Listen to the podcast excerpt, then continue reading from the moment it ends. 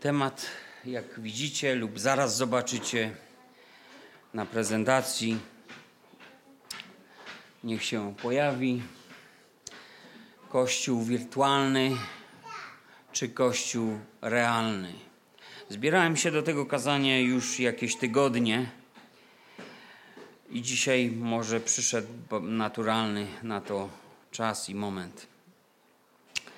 W 2019 roku obiegła świat reklama najnowszego religijnego osiągnięcia technologii cyfrowej, tak zwany VR Church, czyli wirtualny kościół. Proszę następny slajd.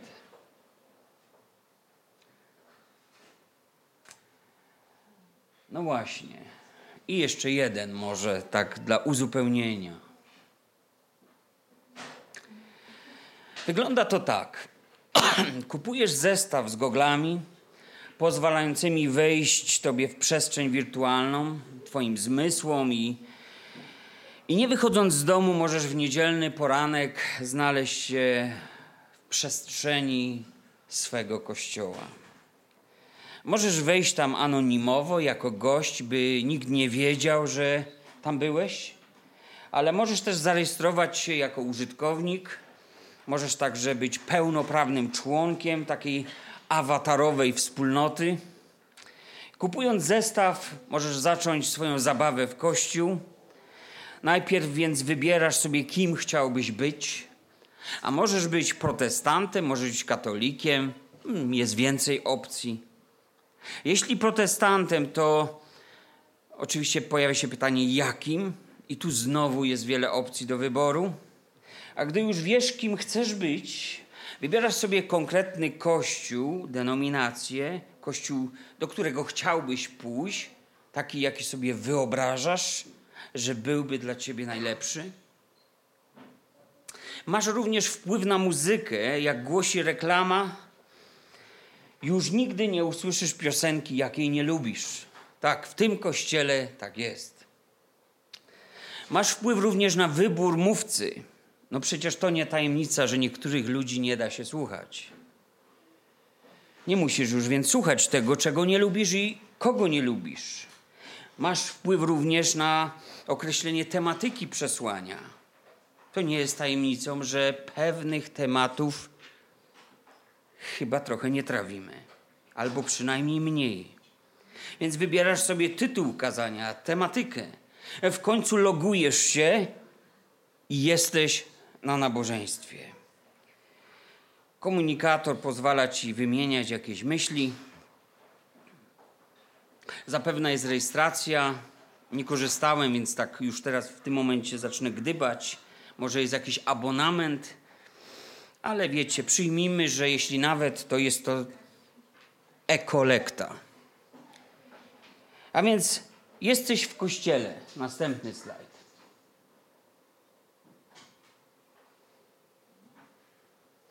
Może się uda. Dzisiaj mamy problemy techniczne, więc będę potrzebował kogoś, kto nadąży za moimi prośbami. No więc jesteś w kościele. O. Dodajmy, to ważne, w kościele przyjaznym dla użytkownika.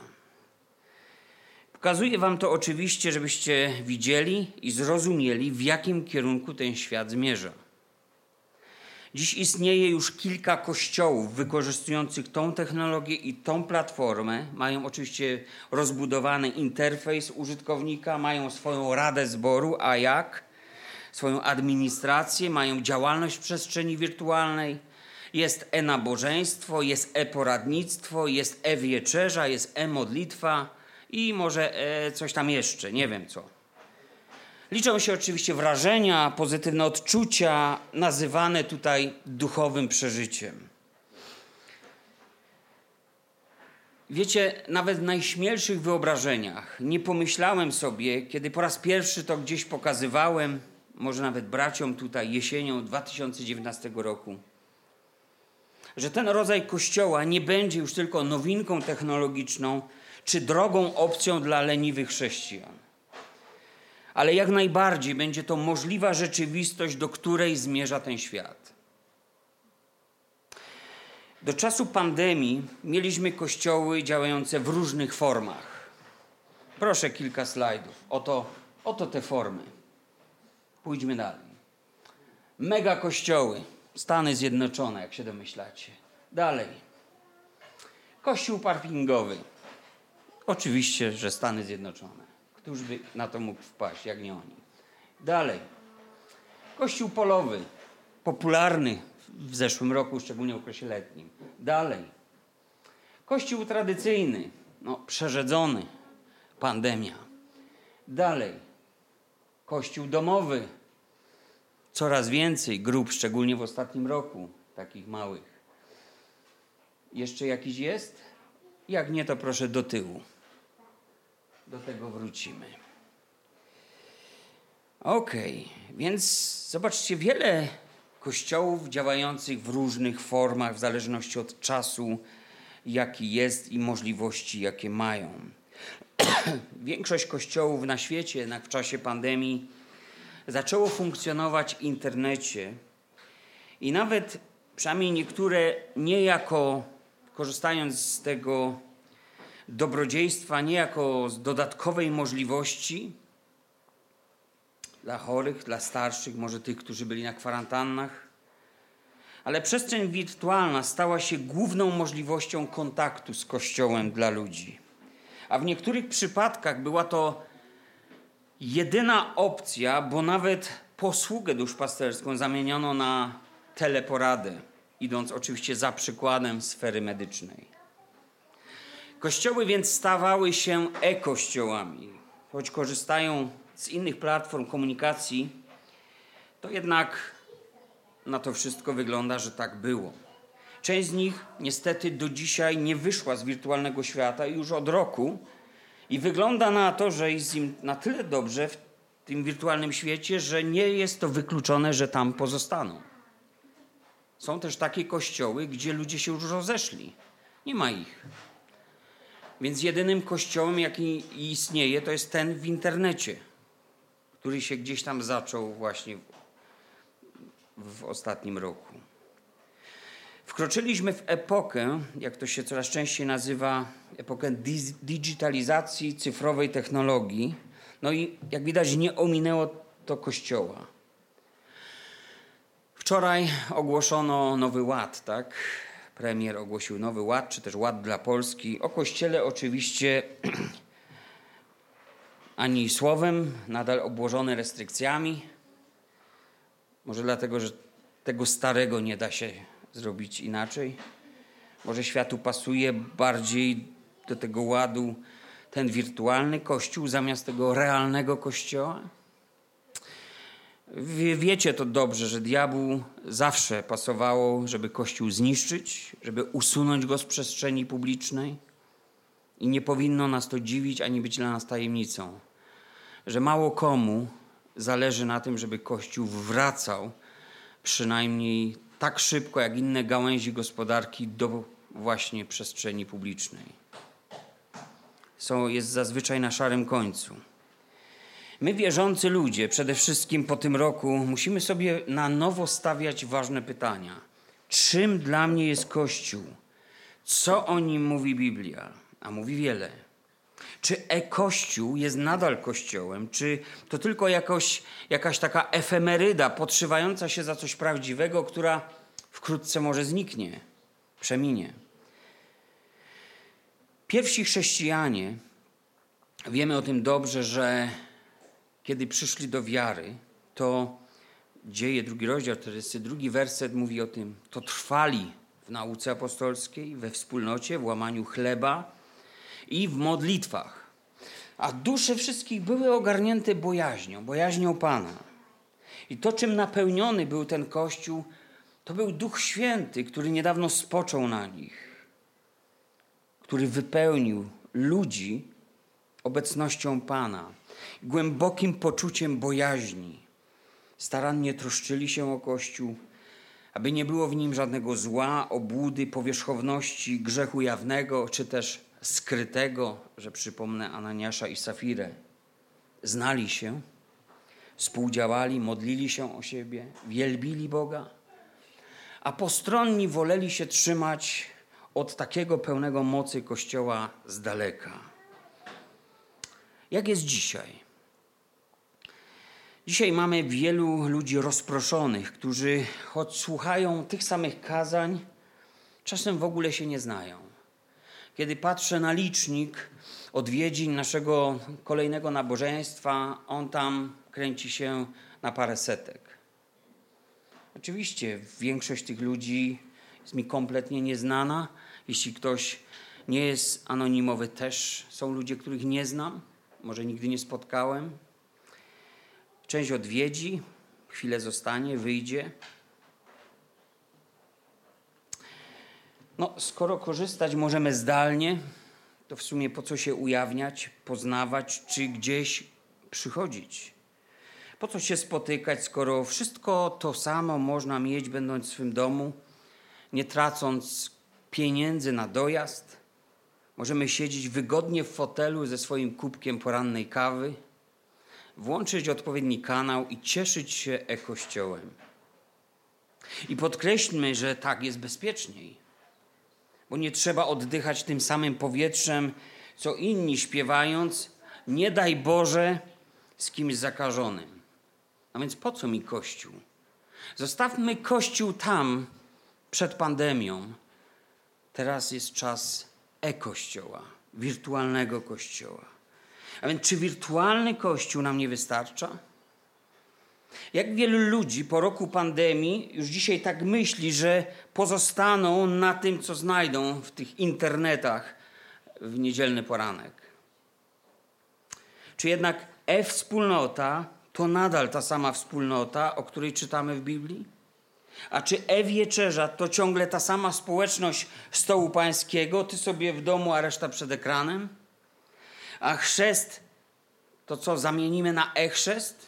To co pokropisz sobie ekran w imieniu Pana Jezusa, albo sam siebie do wody wrzucisz, a inni będą patrzeć i poklaszczą na to, że podjąłeś taką ważną decyzję w życiu? Oczywiście ja trochę ironizuję, żeby pokazać po prostu, dokąd to prowadzi, jak, jak daleko nas to może odprowadzić od tego, co mówi Słowo Boże. Gdy apostołowie i pierwsi chrześcijanie modlili się jedni za drugimi, to czy wszystko można było załatwić w ten sposób wirtualnie, gdyby istniała taka możliwość, technologia? My mamy modlitwę dzięki komunikatorowi poniedziałkowy wieczór. Mamy wiele rzeczy dzięki technologii, ale niebezpieczeństwo polega na tym, że zaczniemy myśleć, że to jest właśnie Kościół, a nie to, co tutaj się teraz dzieje na żywo.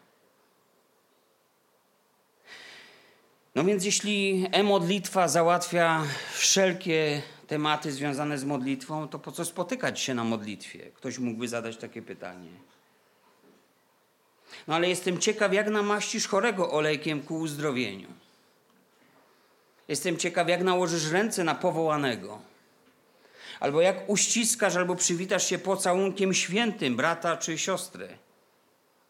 Ojej, zapomniałem o dystansie społecznym.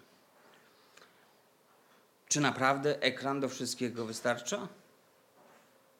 My wiemy dobrze, że nie. I ci pierwsi chrześcijanie oni tak żyli i zgromadzali się. Oni wielbili Boga, oddawali chwałę Bogu, przebywając ze sobą na jednym miejscu. Czy e-uwielbienie to jest to samo, co uwielbienie, tyle że dwa tysiące lat później? Gdzie każdy sobie rzepkę skrobie na tą samą nutę, oczywiście zadaną z głośników tabletu czy telewizora? Wiecie, kilka miesięcy temu ta sprawa stała się bardzo ważna w Szkocji. Kilka miesięcy temu Sąd Najwyższy Szkocji w wyniku skargi złożonej przez kilkudziesięciu e, liderów kościoła różnych denominacji, to była skarga złożona przez kościoły, ten Sąd Najwyższy orzekł w takim głośnym procesie sądowym, że, że te wirtualne zamienniki, jakie zaproponował rząd Wielkiej Brytanii, są złamaniem nie tylko praw człowieka, co do jego swobody wyznawania wiary i gromadzenia się, ale było to złamaniem praw również związków wyznaniowych. Ale także sąd ustalił, że te propozycje rządowe, aby kult religijny przenieść do internetu i powiedzieć, to jest to samo, a nawet lepsze, było zdigitalizowane, to, to Sąd Najwyższy orzekł, że takie przedefiniowanie spraw dotyczących życia Kościoła kryminalizuje dotychczasowe definicje i istotę tego, czym jest uwielbienie Boga, czym było od wieków uwielbienie Boga na podstawie Pisma Świętego. Sąd Najwyższy orzekł, że to, co zrobił rząd, jest nadzwyczajnym nadużyciem władzy państwa, cytuję. A jak stwierdził prawnik, który podjął się tej sprawy, powiedział, przepisy mają, cytuję, fundamentalny, mrożący wpływ na kult i wiarę. Ludzie z czystym sumieniem muszą wybierać między Bogiem a Cezarem. Z kolei inny człowiek, Ryan Christopher, stojący na czele chrześcijańskiej grupy prawników, która poparła tą sprawę, powiedział, cytuję, sąd uznał to, czego nie uznał rząd, że wolność religii i przekonań to prawo człowieka zasługujące na najwyższą ochronę.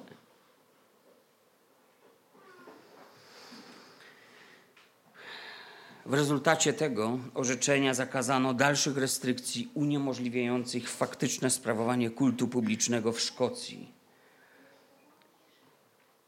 A wiemy, że teraz rozlało się to na Wielką Brytanię i jest kolejny protest. Tym razem ponad 1500 pastorów, księży, liderów ale to inna sprawa, zostawmy. Przejdźmy na nasze podwórko.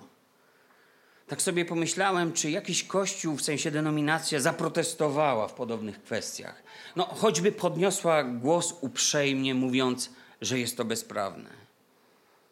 Poza kilkoma może lokalnymi wspólnotami, które coś w tej sprawie robiły, oświadczały, pisały jakieś pisma, oczywiście to było skazane od początku na, na fiasko, bo widać było, z czym kto się liczy to jednak bez, w cudzysłów to weźmie, bez jednego wystrzału kościoły oddały pola. I czasem sobie myślę, że większa część kościoła w Polsce bez jednego słowa, pod wpływem też medialnie wywołanego strachu, zagrożenia chorobą, oddałyby chyba wszystko to, co święte, byleby zyskać pokój i bezpieczeństwo. Bo ludzie tego pragną, autentycznie pragną. Lecz wierni czytelnicy Biblii dobrze wiedzą, kiedy przyjdzie na świat zagłada. Kiedy słowa pokój i bezpieczeństwo zyskają przewagę nad prawdą i wszystkim to, co jest święte. Poczytajmy listy do Tesaloniczan. Tam to jest napisane. Dziś więc wydaje się najbardziej palącą potrzebą wrócić do źródła, wrócić do Biblii, do Pisma i zobaczyć, zająć stanowisko, zająć miejsce swoje i określić, czym jest Kościół. Sam Pan Jezus powiedział: Ja zbuduję na opoce Kościół mój, a bramy piekielne go nie przemogą. A gdy apostoł Paweł mówi o budowaniu Kościoła, to, to on bardzo wyraźnie powtarza, albowiem współpracownikami Bożymi jesteśmy Wy rolą Bożą, budowlą Bożą jesteście. Według łaski Bożej, która mi jest dana, jako mądry budowniczy założyłem fundament, a inny na nim buduje. Każdy zaś niech baczy, jak na nim buduje. Już tylko z tych tekstów wynika, że nie tylko ma znaczenie to, że należymy do Kościoła, bo jesteśmy budowlą Boga, ale ma znaczenie to, jak my widzimy ten Kościół, jak my chcemy go budować, wznosić. I oczywiście nie mamy na myśli budynków, ale tą żywą budowlę, złożoną z żywych, związanych ze sobą kamieni. To tych piekło nie ma mocy, by zniszczyć. Apostoł Piotr wzywa tych, którzy do tego kościoła należą. Pierwszy Piotra, drugi rozdział, piąty werset. Mówi, wy sami jako kamienie żywe budujcie się w dom duchowy. A więc pomyślmy, budujesz dom. Niektórzy z was to zrobili. Potrzebujesz wytycznych. Potrzebujesz projektu, musisz zastanowić się nad technologią, nad kosztami. No, chcesz coś wznieść i chcesz to ukończyć. Wiesz dobrze, że to ma znaczenie, jak budujesz. To musi być trwała budowla, wytrzymała budowla, bezpieczna dla tych, którzy w niej zamieszkają. Oczywiście, że świat wraz ze swoimi wynalazkami, można powiedzieć, idzie do przodu i materiały do budowli oraz sposoby budowania ulegają w świecie zmianom. Mówię literalnie teraz. Dzisiaj wykorzystujemy komputery, by za nas obliczały siły działające w ścianach, nośność konstrukcji budynków, nacisk. Lecz zasady są ciągle te same. Jeśli zlekceważę zasady fizyki i matematykę, to wiecie, co się stanie? Sufit spadnie mi na głowę. Woda podmyje budynek, mróz rozsadzi fundamenty, albo ściana nie wytrzyma naporu ciążącego na niej dachu. A więc nawet w świecie, w takim fizycznym odniesieniu, to jak budujesz jest nie mniej ważne, jak to, że budujesz. Nie buduje się kościoła, przenosząc jego główną, zasadniczą działalność do internetu, uzależniając jego istnienie albo nieistnienie od kogoś, kto wciśnie tylko jeden przycisk i jest Kościół wyłączony. Nie stawajcie się niewolnikami ludzi. Kościół zawsze był poza obrębem czegoś takiego. Kościół nie może być budowany, jak sobie sami uznamy, jak sobie wymyślimy, jak to świat nam narzuci. Obojętnie, czy robi to w dobrej wierze, czy w złej wierze.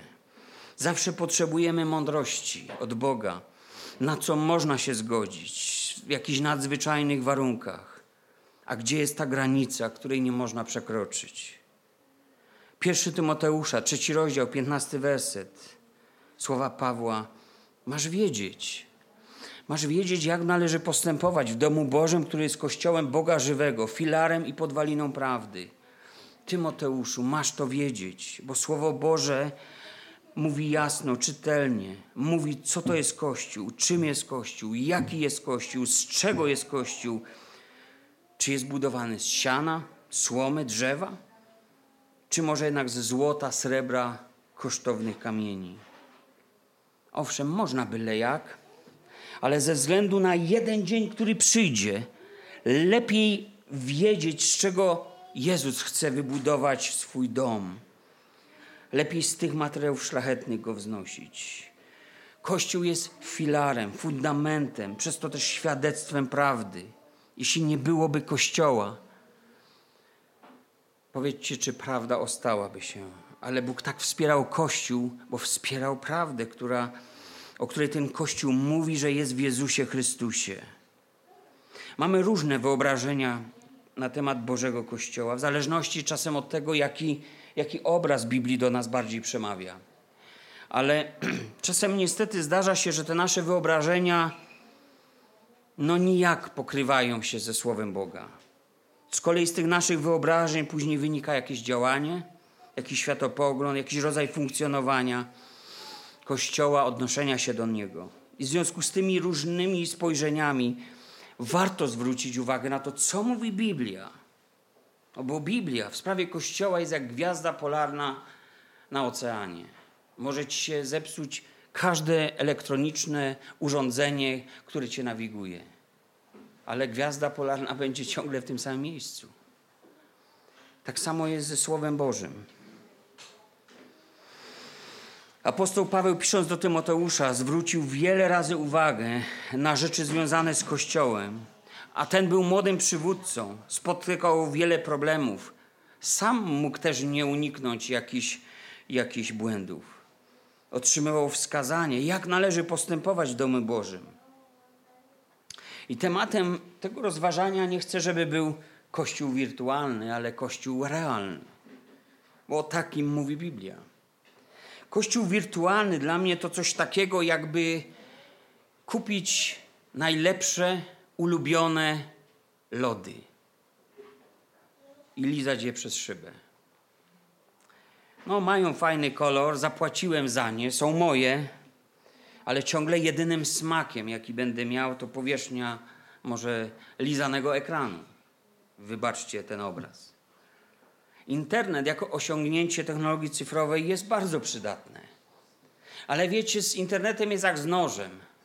Możesz ukroić sobie kromkę chleba, albo możesz zabić nim człowieka. Potrzeba mądrości. Dla mnie internet może umożliwić przekaz Ewangelii, może być dodatkowym sposobem komunikacji z człowiekiem, źródłem informacji, wiedzy, ale nigdy, przenigdy nie powinien nawet pretendować do tego, by korzystając z niego ludzie doszli do wniosku, że jest wirtualny kościół, więc po co nam ten realny? Czym jest kościół według biblijnych pojęć, wzorców?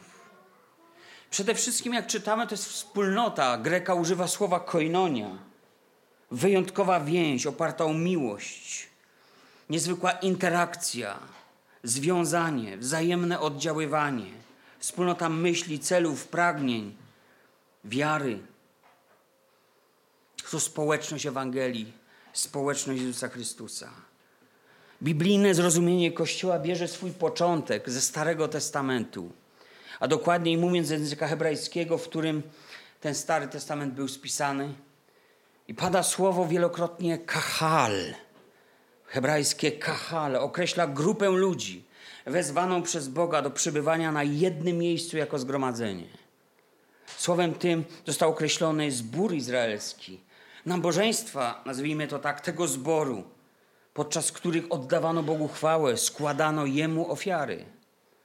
I gdy po raz pierwszy pojawił się grecki przekład Starego Testamentu, tak zwana Septuaginta, napisana przez 70 pobożnych Żydów, wówczas słowo kahal zostało zastąpione innym greckim słowem eklesja.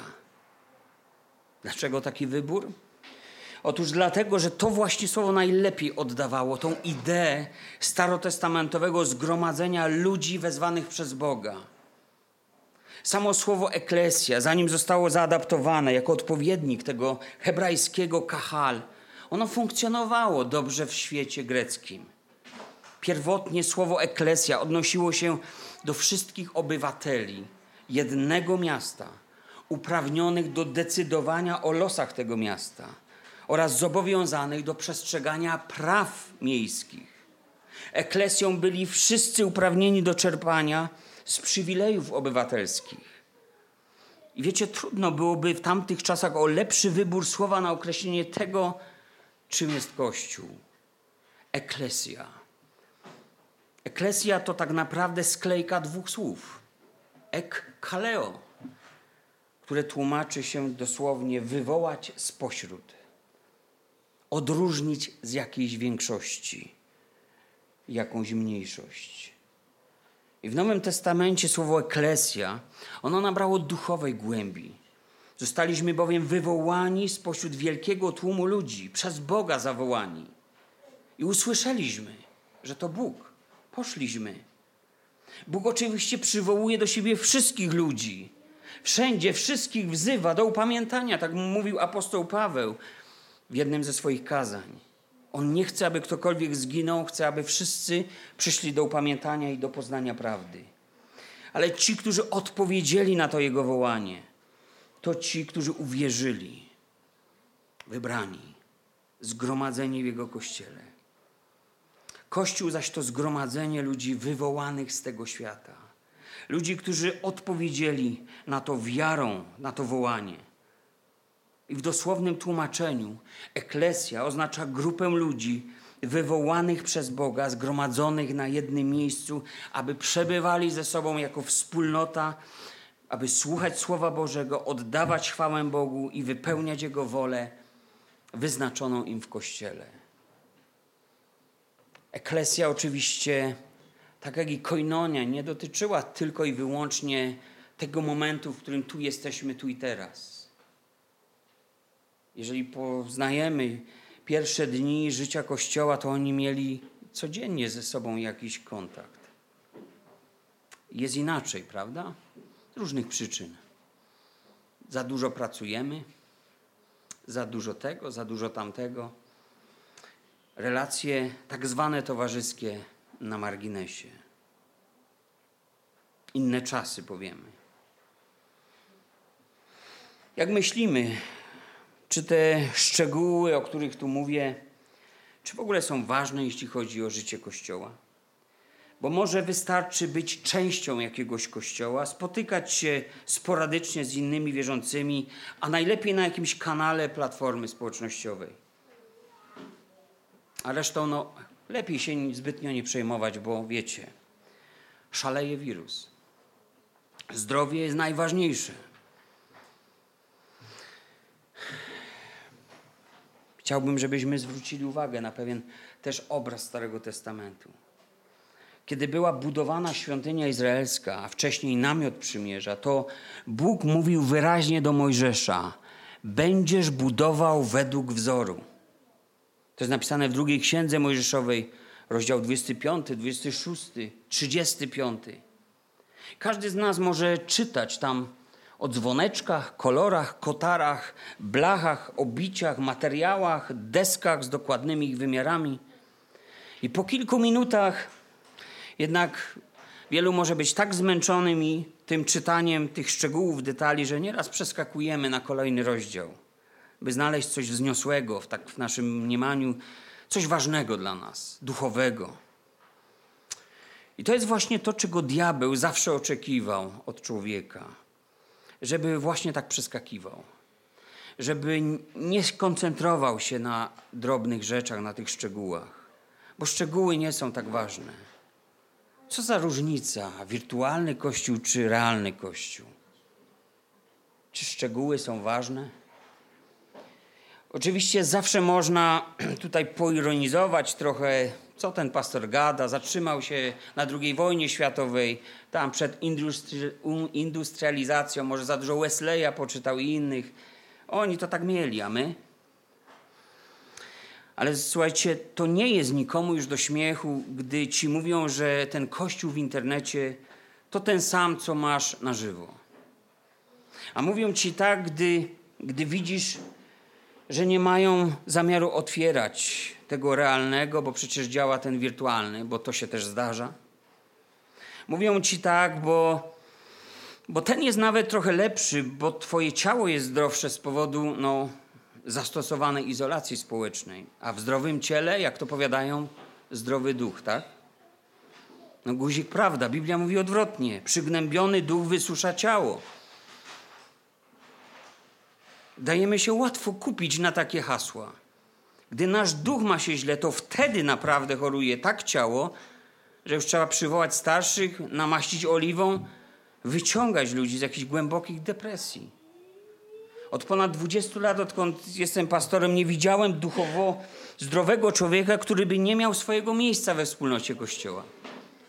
Nie widziałem takiej osoby, która by mogła sprostać powołaniu Bożemu, jakie Bóg ma dla niej, nie będąc częścią jakiejś wspólnoty. To jest po prostu niemożliwe. I drodzy, gdy Bóg cokolwiek zlecał człowiekowi do budowania, to szczegóły były bardzo ważne.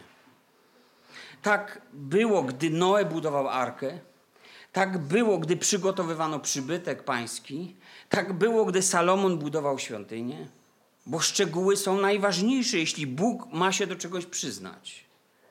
Dlatego Kościół, który jest duchowym odpowiednikiem tych starotestamentowych, dzisiaj powiemy, obrazów, zbudowany jest według doskonałego wzoru. I tylko ten wzór może świadczyć o Bogu w pełni. Tylko taki wzór daje pełny obraz Boga. Przypomina mi się ta historia powiedziana tydzień temu przez, przez innego kaznodzieję, przez brata Henryka podczas chrztu o człowieku, który wybrał się w rejs, wziął jakieś suchary i jadł te suchary na tym rejsie, a to trwało dni i patrzył przez szybę na ludzi po prostu, którzy jedzą pełne posiłki każdego dnia. Zajadają się. Jemu się w końcu suchary skończyły. W końcu z kimś tam rozmawiał, pożalił się na koniec tego rejsu, że wy to mieliście takie obiadki, a ja tu tyle tak cierpiałem. A ten człowiek mu odpowiedział, ale proszę pana, w cenie biletu były te posiłki. I wiecie, tak może być z chrześcijaninem, który żyje, powiedziałbym, na oparach. Bo można mieć bak zatankowany, a można lecieć na oparach. Kościół, który nie jest budowany według ścisłego wzoru, wykrzywia trochę obraz Boga. Nie świadczy to o nim dobrze. Taki kościół nawet nie jest zagrożeniem dla diabła. No, śmiem przypuszczać, że nie może mieć większego wpływu na świat poza kształtowaniem jakiejś rozrywki religijnej. Może wpływać na emocje, na zmysły, na dobrą atmosferę, nazwiemy to duchowym przeżyciem. I wiecie, naszym wezwaniem dzisiaj, i to jest to sedno tego zwiastowania, jest to, te, te słowa są: patrz, abyś budował według wzoru. Abyśmy się przyglądali Kościołowi, jaki był i w jaką stronę dzisiaj to ma tendencję, aby zmierzać. A jesteśmy emocjonalnie do granic pobudzeni, aby to tam zmierzało. Strach. Wystarczył strach.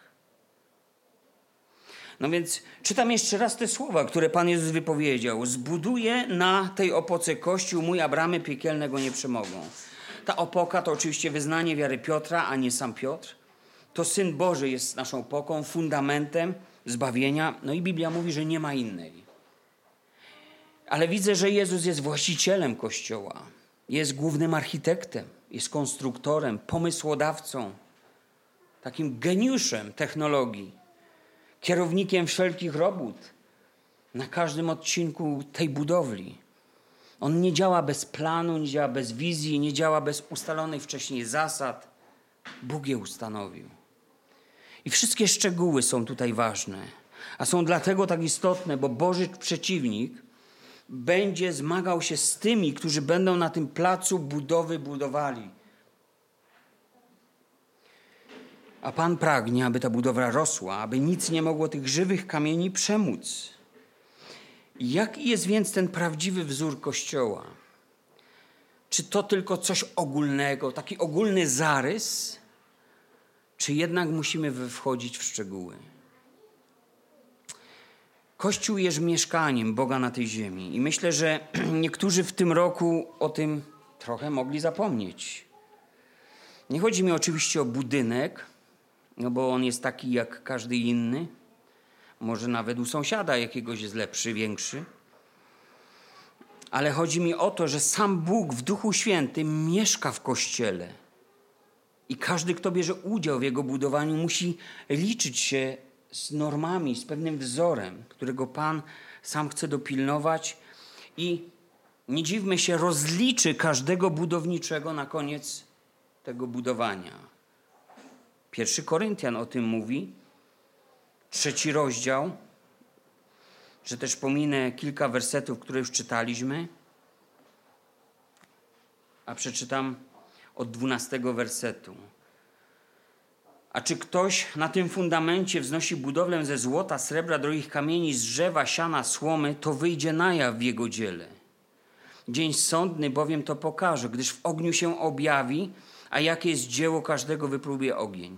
Jeśli czyjeś dzieło zbudowane na tym fundamencie się ostoi, ten zapłatę odbierze. Jeśli czyjeś dzieło spłonie, ten szkodę poniesie, lecz on sam zbawiony będzie tak jednak jak przez ogień. Czy nie wiecie, że świątynią Bożą jesteście i że Duch Boży mieszka w Was? Nie można budować byle jak z byle czego. Nie można budować wedle własnych pomysłów. Nie można kierować się w tym budowaniu jakąś wygodą, łatwizną, minimalizmem. My nie budujemy dla siebie, my budujemy dla Pana. I pewnego dnia przyjdzie czas odbioru budowli. Każdy budynek na ziemi po ukończeniu jest kontrolowany, tak? Nazywamy to odbiorem budynku. No te najmniejsze już nie, szczególnie po wczorajszym ekspoze premiera. Boży Kościół też doświadczy takiego odbioru budowli. Pan sprawdzi każdy element konstrukcji, sprawdzi jakość użytych materiałów, spojrzy na to, co dla oka jest niewidoczne, spojrzy też na fundament, czy tam był, ona nada atest temu, co zrobiliśmy. Atest to próba jakości według wcześniej ustalonej normy. Według wcześniej ustalonej normy. A tą normą, te normy pokazuje nam słowo. Normy to pewne granice, poza które nie możesz się wychylić. Ogień będzie próbował tych naszych dzieł i wszystko, co wystaje, się spali. Czy to, co zrobiliśmy, wytrzyma próbę? Tak, jeśli budowaliśmy według wzoru. Kościół jest Bożym mieszkaniem i tu też wyłania się pewien obraz. Bo jeśli my jesteśmy zaproszeni do czyjegoś mieszkania, Nie wiem jak wy, ale staram się zachowywać sposób taki nadzwyczajny, bo znosimy się na wyżyny swojego dobrego wychowania, kultury osobistej. Nie przychodzę w gości, czy też ty nie przychodzisz w gości, wymucić cudzą lodówkę, na koniec walnąć się na kanapę, nogi położyć na stół. Oczywiście, wiecie, jakiś sygnał wydać, że jedzenie było całkiem niezłe. Wybaczcie grubiaństwo, ale nikt tak nie zachowuje się w ten sposób. Wszędzie chcemy wypaść w miarę dobrze, nie sprawiać jakiegoś niepotrzebnego kłopotu, nie wykazać się brakiem kultury. A może nas jeszcze raz zaproszą? Zaproszeni przez kogoś, no po prostu nie chcemy naruszyć zasad tego domu. Chcemy uszanować. I zobaczcie, Bóg nas wywołał ze świata. Bóg nas zaprosił do miejsca, które nazywa swoim mieszkaniem. I co, spodziewa się, że my uszanujemy Jego ustalenia, Jego zasady? Czy tak grubiańsko się zachowamy? Przyjrzyjmy się temu kościołowi, mając za podstawę jeszcze jeden tekst listu do Efezjan, czwarty rozdział, 11-12 werset. I kilka przeczytam z tego listu. I on ustanowił jednych apostołami, drugich prorokami, innych ewangelistami, a innych pasterzami, nauczycielami, aby przygotować świętych do dzieła posługiwania, do budowania ciała Chrystusowego. A więc Kościół został przez Boga w konkretny sposób też zorganizowany i nikt nie ma prawa tego zmieniać. Mało tego, Bóg to tak przygotował, abyśmy mogli w zdrowy sposób wszyscy wzrastać i z tego dobrodziejstwa korzystać. Bóg dał pewne dary, posługi, talenty, możliwości, żeby Kościół mógł się budować, żeby był jakby samoistny, niezależny od kraju, państwa, władzy. Dlatego mówimy o rozdziale państwa od Kościoła. To nie dlatego zostało ustalone, wypowiedziane, że Kościół miał ochotę coś tam gmerać władzy, tylko odwrotnie, zazwyczaj odwrotnie. To władza chciała mieć dużo do powiedzenia w kościele, bo widziała, że kościół ma wpływ.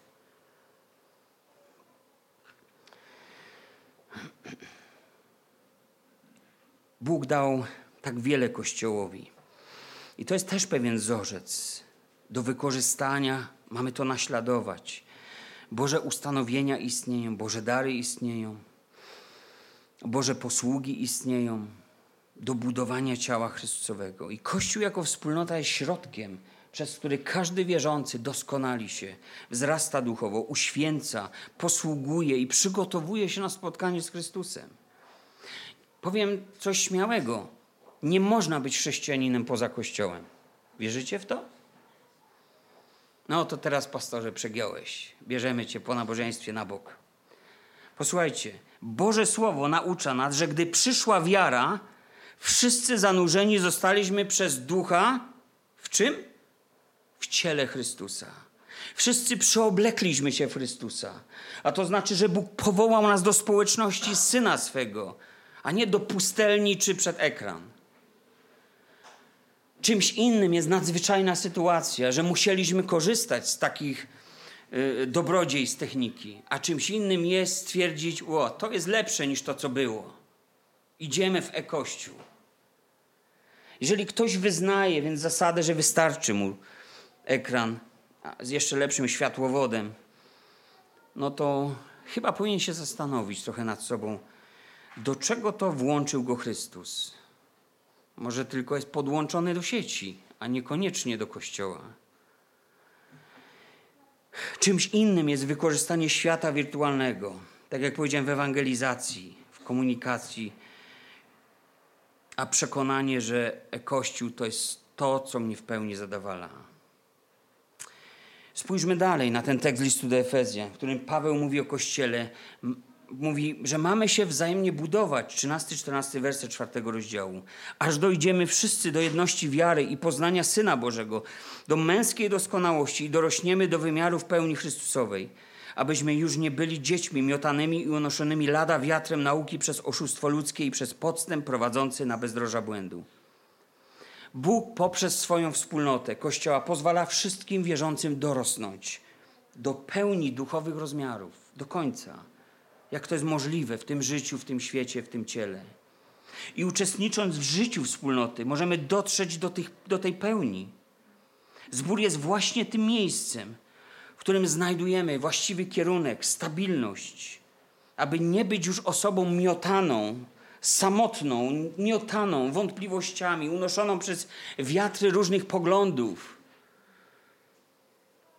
nauczań, których tyle jest w wirtualnej przestrzeni. Bóg nie chce, abyśmy dryfowali za Nim, a może jakoś się uda, jak to jeden z braci powtarza, decyzja na udo. Albo się udo, albo się nie udo. Bóg tak nie chce. On, on pragnie, byśmy złapali wiatr w żagle. Duch Święty istnieje, naprawdę. Chce, abyśmy złapali sterowność, a tym samym kierunek i utrzymali właściwy kurs do końca, dojrzewając w Chrystusie. Idę dalej, 15-16 werset czwartego rozdziału. Abyśmy będąc szczerymi w miłości, wzrastali pod każdym względem w Niego, który jest głową, w Chrystusa, z którego całe ciało spojone i związane przez wszystkie wzajemnie się zasilające stawy, według zgodnego z przeznaczeniem działania każdego poszczególnego członka rośnie i buduje siebie samo w miłości. Wspólnota Kościoła, miejsce wzajemnego oddziaływania. Tutaj możemy budować się w miłości, tak czytaliśmy. W internecie możemy przecież tylko deklarować miłość, zapewniać o jej istnieniu. A potrzebujesz być wierzący w miarę upływu czasu, naprawdę wierzący. Można prawić sobie komplementy, lecz tylko razem możemy praktykować miłość. Kościół jest ciałem, a w nim jesteśmy członkami jedni drugich, i każda funkcja jednego członka ciała ma wpływ na inną i odwrotnie. W ten sposób wzajemnie się wspierając, możemy pod każdym względem, jak czytaliśmy, rosnąć. Jesteśmy członkami jedni drugich w kościele, mówi apostoł Paweł. I te słowa jedni drugich pojawiają się dość często w Biblii. Dość często, co podkreśla, że nikt nie jest w kościele sam sobie, sam dla siebie, nikt nie powinien czuć się samowystarczalny, odosobniony, wyizolowany, sam dla siebie, na wyłączność. I być członkiem drugiego znaczy nie tyle mieć wpływ na drugiego, ale też udostępniać siebie. To znaczy otworzyć swoje życie, dać prawo do swojego życia. Być może to będzie oznaczać, że początkowo dużo o mnie ktoś się będzie modlił. Bo wiecie, jaki jest jeden z większych problemów, by naprawdę tworzyć wspólnotę Wielu ludzi żyje w dystansie od Kościoła i ma problem taki, że boją się być odkrytymi z ich słabościami. Boją się osądu.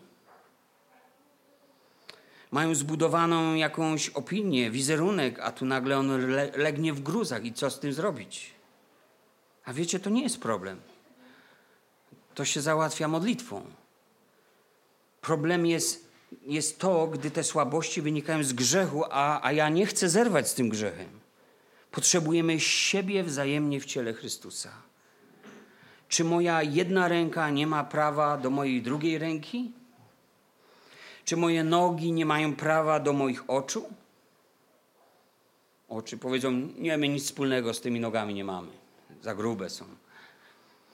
Czy mój umysł nie ma prawa do mojego języka? Czy jakaś część mnie może powiedzieć do drugiej części ciała, nie potrzebuję ciebie? My to mamy w Biblii, tak? Ja parafrazuję. Albo ja sobie rada, dam radę bez ciebie. Zobaczcie, obraz ciała ludzkiego posłużył apostołowi, aby wskazać na tą bliskość, więź, współzależność, na te niezbędne wzajemne oddziaływanie w budowaniu Kościoła. Słowa jedni drugich, ja wiem, że one są na przekór słowom popularnym w świecie, każdy sobie. Rzepkę skrobie. Słowa jedni drugim pojawiają się wiele razy w Biblii i stanowią dla nas, słuchajcie, ogromne wyzwanie. Proszę o slajd, jeśli jeszcze coś tam się może wyświetlić. E, to jest właśnie to wyzwanie. To jest definicja miłości w działaniu. Po tym świat pozna, żeście moi gdy miłość wzajemną mieć będziecie. Następny slajd.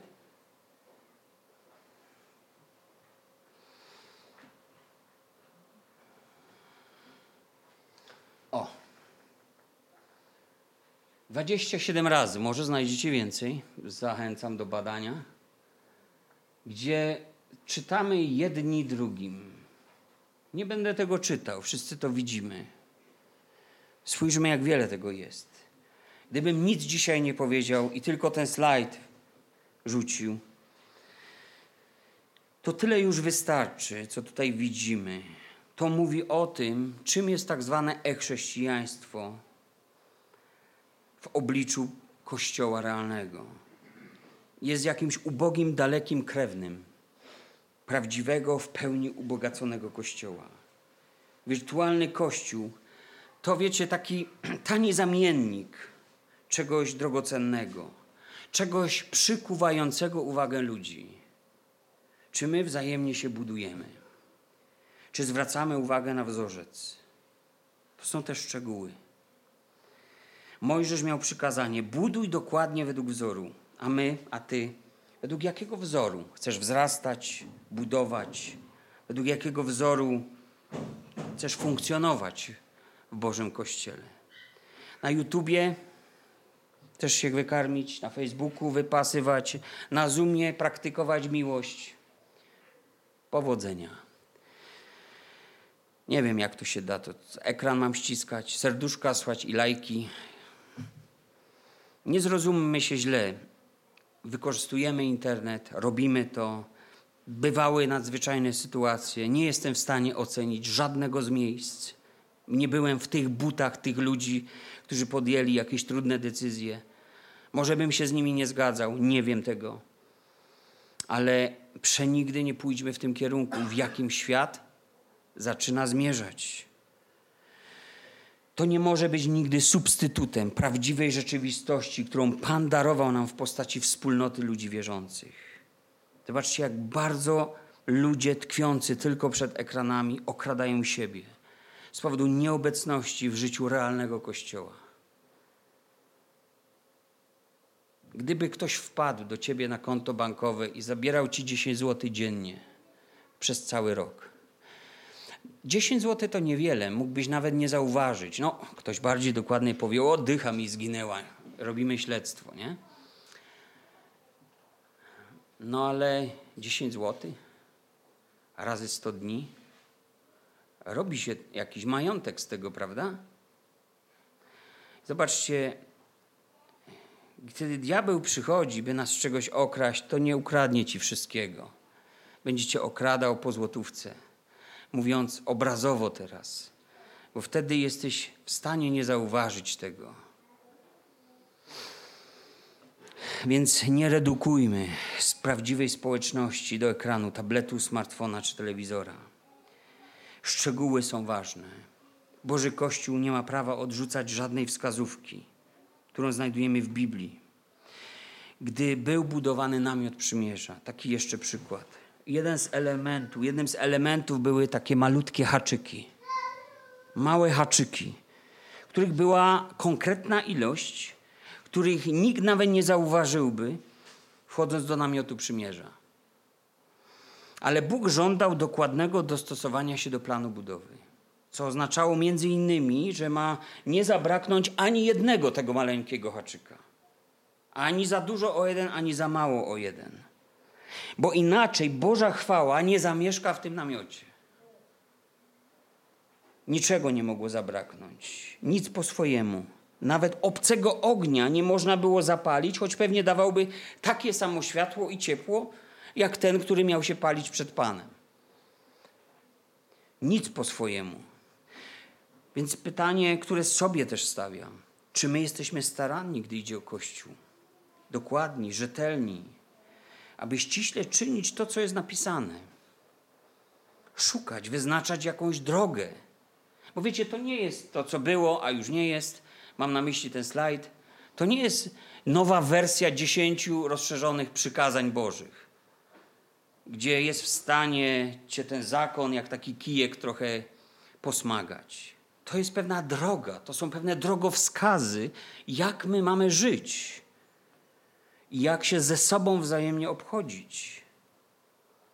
Jozue tylko raz zrobił wyjątek, odstępstwo od normy, by, by nie czynić ściśle, co jest napisane. No i został oszukany. nie tylko on, cały naród, nieśli brzemię obecności Gibeonitów już długo, do końca. I nic w tej sprawie już nie mogli zrobić. Z Kościołem i w Kościele też mamy wiedzieć, jak należy postępować. Kościół jest niewidzialnym zgromadzeniem. To prawda. Zgromadzeniem ludzi, których serca zostały zmienione. To prawda. Ale Bóg znalazł sposób na to, jak wyrazić tą niewidzialną, od wieki istniejącą na wszystkich szerokościach geograficznych wspólnotę. Odpowiedzią są zbory Boże. Ponad 90% tekstów kierowanych do Kościoła nie miałoby żadnego sensu, gdyby nie zastosować ich do lokalnej wspólnoty ludzi wierzących, którzy się znają, mają na siebie wpływ, oddziaływują na siebie i wspólnie służą Panu w swoim zborze. Bogu zależało na tym, aby to, co niewidzialne, aby ten niedostrzegalny Kościół, który rozpoczął się w naszych wnętrzach, w sercach, który istnieje dzięki obecności Ducha Boga, żeby on został w widzialny sposób wyrażony na ziemi, jako światło, jako miasto położone na górze, które się nie może ukryć, jako sól, która choć jest jej niewiele, wyczuwalny smak daje.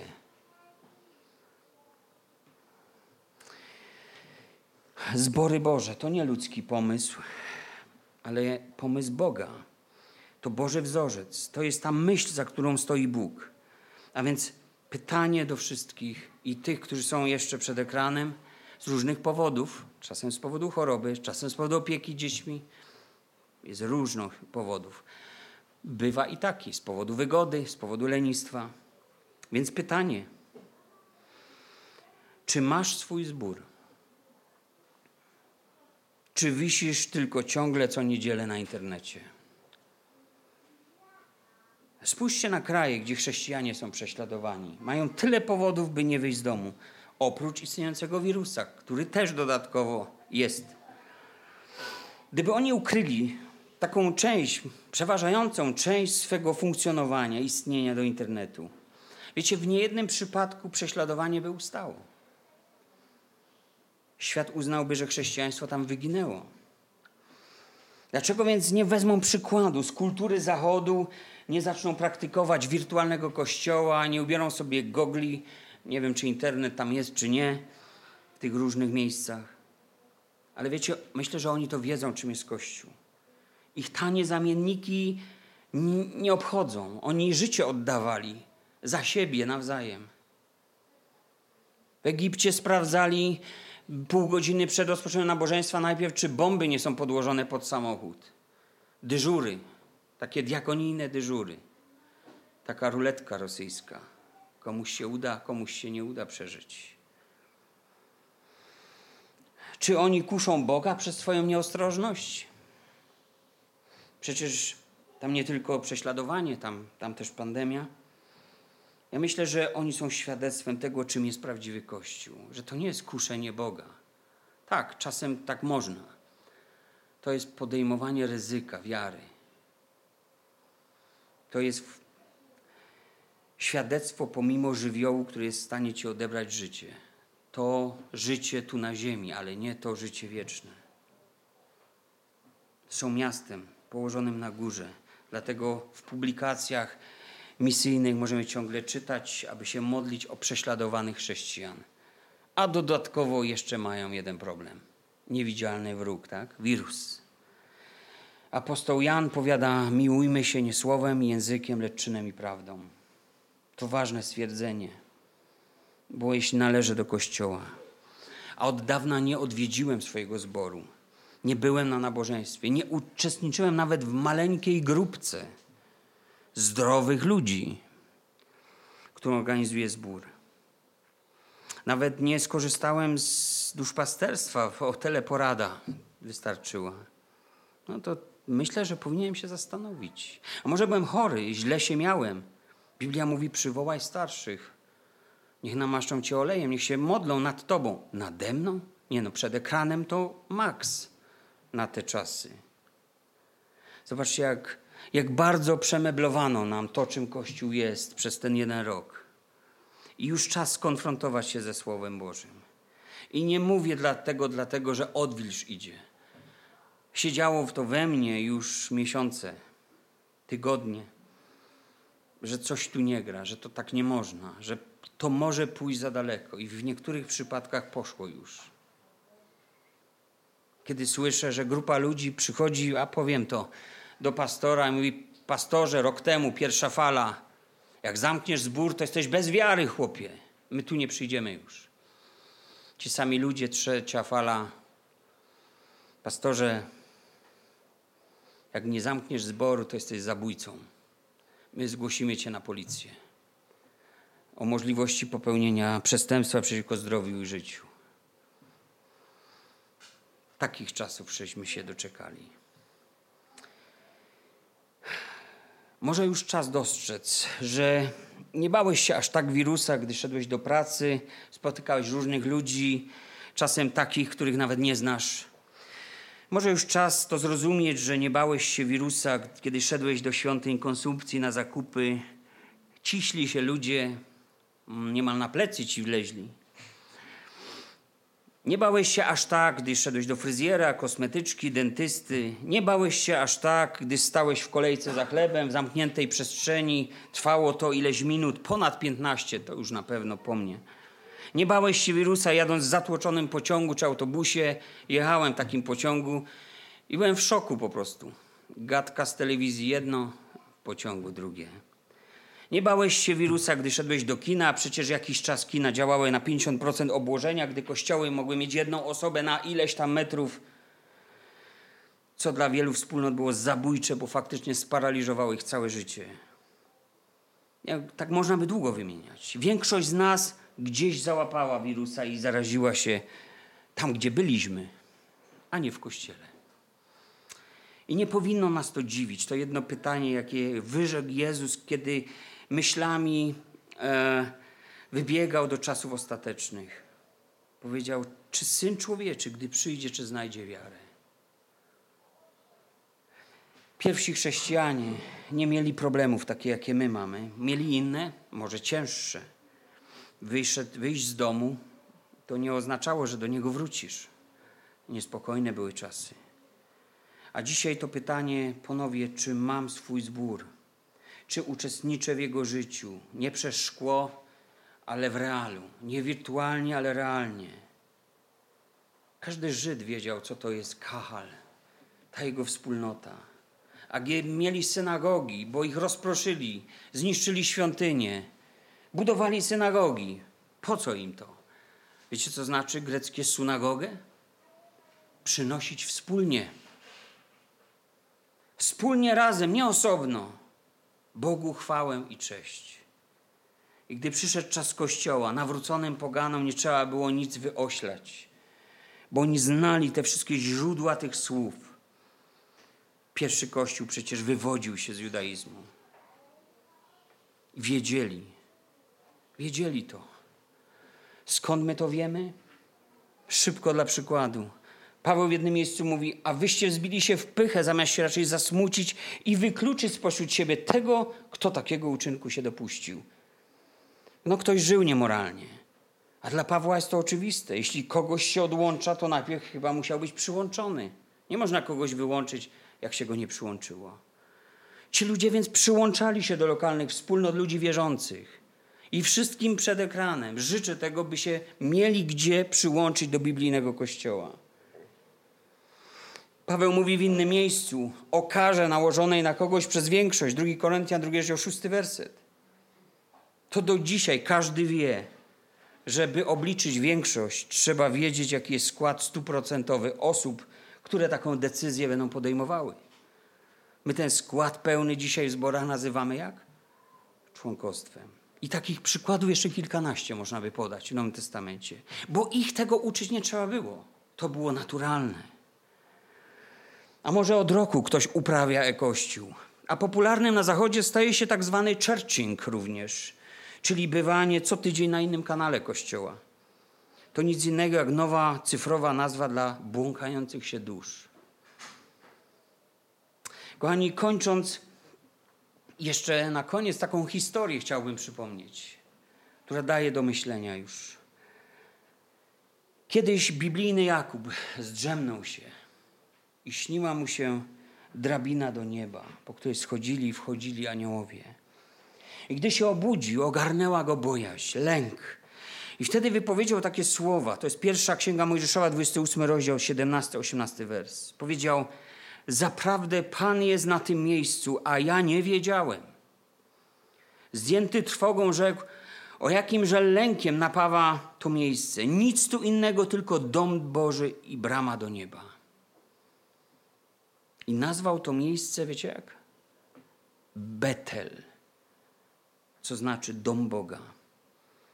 Wcześniej to miejsce nazywało się Luz. Choć znaczenie tego słowa nie jest jasne, to w tamtych czasach, kiedy ktoś mówił, że idzie do Luz, to kojarzyło się z ruinami pobliskiej wioski, która nigdy nie była odbudowywana. A więc Luz to ruina, Betel to dom Boga. Dwa spojrzenia na to samo miejsce. To jak dwa różne spojrzenia na Chrystusa, dla jednych zgorszenie, dla drugich zbawienie. To również mówi nam o dwóch spojrzeniach na Kościół. Albo ruina, albo dom Boży.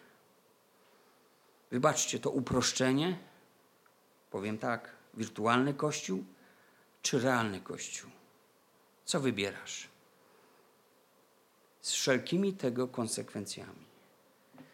I tym nabożeństwem, drodzy, też słuchacze, którzy są przed ekranami lub będą za ileś godzin, niektórzy później, bo noc długa, tym nabożeństwem kończymy nadawanie na żywo.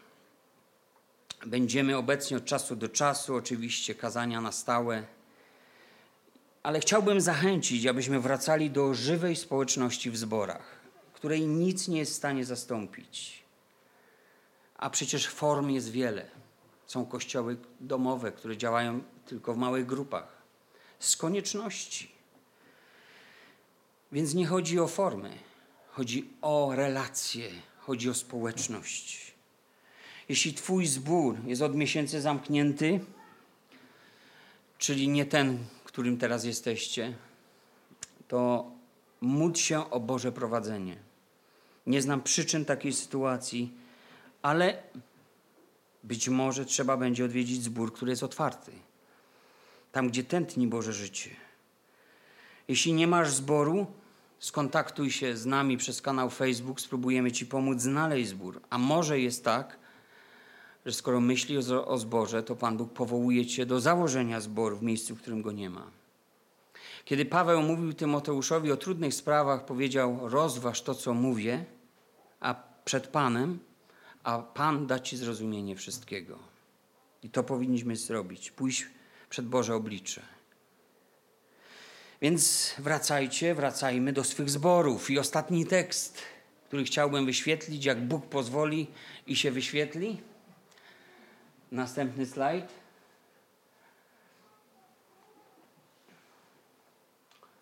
Taki ulubiony tekst pastorów, wydaje się. Oby był ulubiony dla nas wszystkich. Chciałbym, czytając to, powiedzieć i życzyć każdemu, aby miał dobre zwyczaje. Bo są dobre zwyczaje i są złe zwyczaje. Kiedy Biblia mówi tutaj o zwyczaju, to w Grece pada słowo etos. Od tego słowa pochodzi znane nam słowo etyka, a etyka to zbiór zasad moralnych, którym, którymi się kierujemy. Więc to, co tu czytamy, ta myśl, którą tu mamy, brzmi w ten sposób. Abyśmy nie opuszczali zgromadzeń, wspólnot, kiedy Kościół zbiera się razem, jak to jest u niektórych w niemoralnym zwyczaju. Bo zwyczaje mówią o mojej moralności. Jaka jest moja moralność? Bóg jest moralny, a ja? Nie, inst, nie róbmy z Kościoła instytucji, którą się odwiedza. Tak, katolicy tak robią. Odwiedzają Kościół. My jesteśmy Kościołem. Poczujmy tą różnicę. To się nam to samo przekręci. A jak się zmieni nasze myślenie, to już nic, do, do niczego nie będzie trzeba nas zachęcać, czy tam wołami nawet ciągnąć. Potrzebujemy, jak mówi ten tekst, otuchy. Jeśli ty mówisz, a ja jestem twardziel, nie potrzebuję, to inni potrzebują tego twardziela otuchy. Pobudzenia do miłości, do dobrych uczynków. Tego nie można osiągnąć za ekranem podczas transmisji. Więc, kochani, już czas porzucać podróbki, zamienniki, tanie buble, wynalazki. Internet, choć jest bardzo pomocny, nigdy nie powinien zastąpić realnej społeczności ludzi wierzących. I niech On, niech Pan, Pan Kościoła, głowa Kościoła, której czytaliśmy, niech On będzie wywyższony właśnie pośród nas. Jak kończy swój list, apostoł, już to, to jest koniec rozdziału, nie listu, też Efezjan. Paweł mówi, żebyście zdołali pojąć ze wszystkimi świętymi, jaka jest szerokość i długość, i wysokość, i głębokość. To nie są wymiary ekranu, gdyby ktoś przekątna. To nie o tym i mogli poznać miłość Chrystusową, która przewyższa wszelkie poznanie. Abyście zostali napełnieni, wypełnieni całkowicie pełnią Bożą. Temu zaś, który według mocy działającej w nas potrafi daleko więcej uczynić ponad to wszystko, o co prosimy albo o czym myślimy, temu niech będzie chwała w Kościele i w Chrystusie Jezusie po wszystkie pokolenia na wieki wieków. Amen.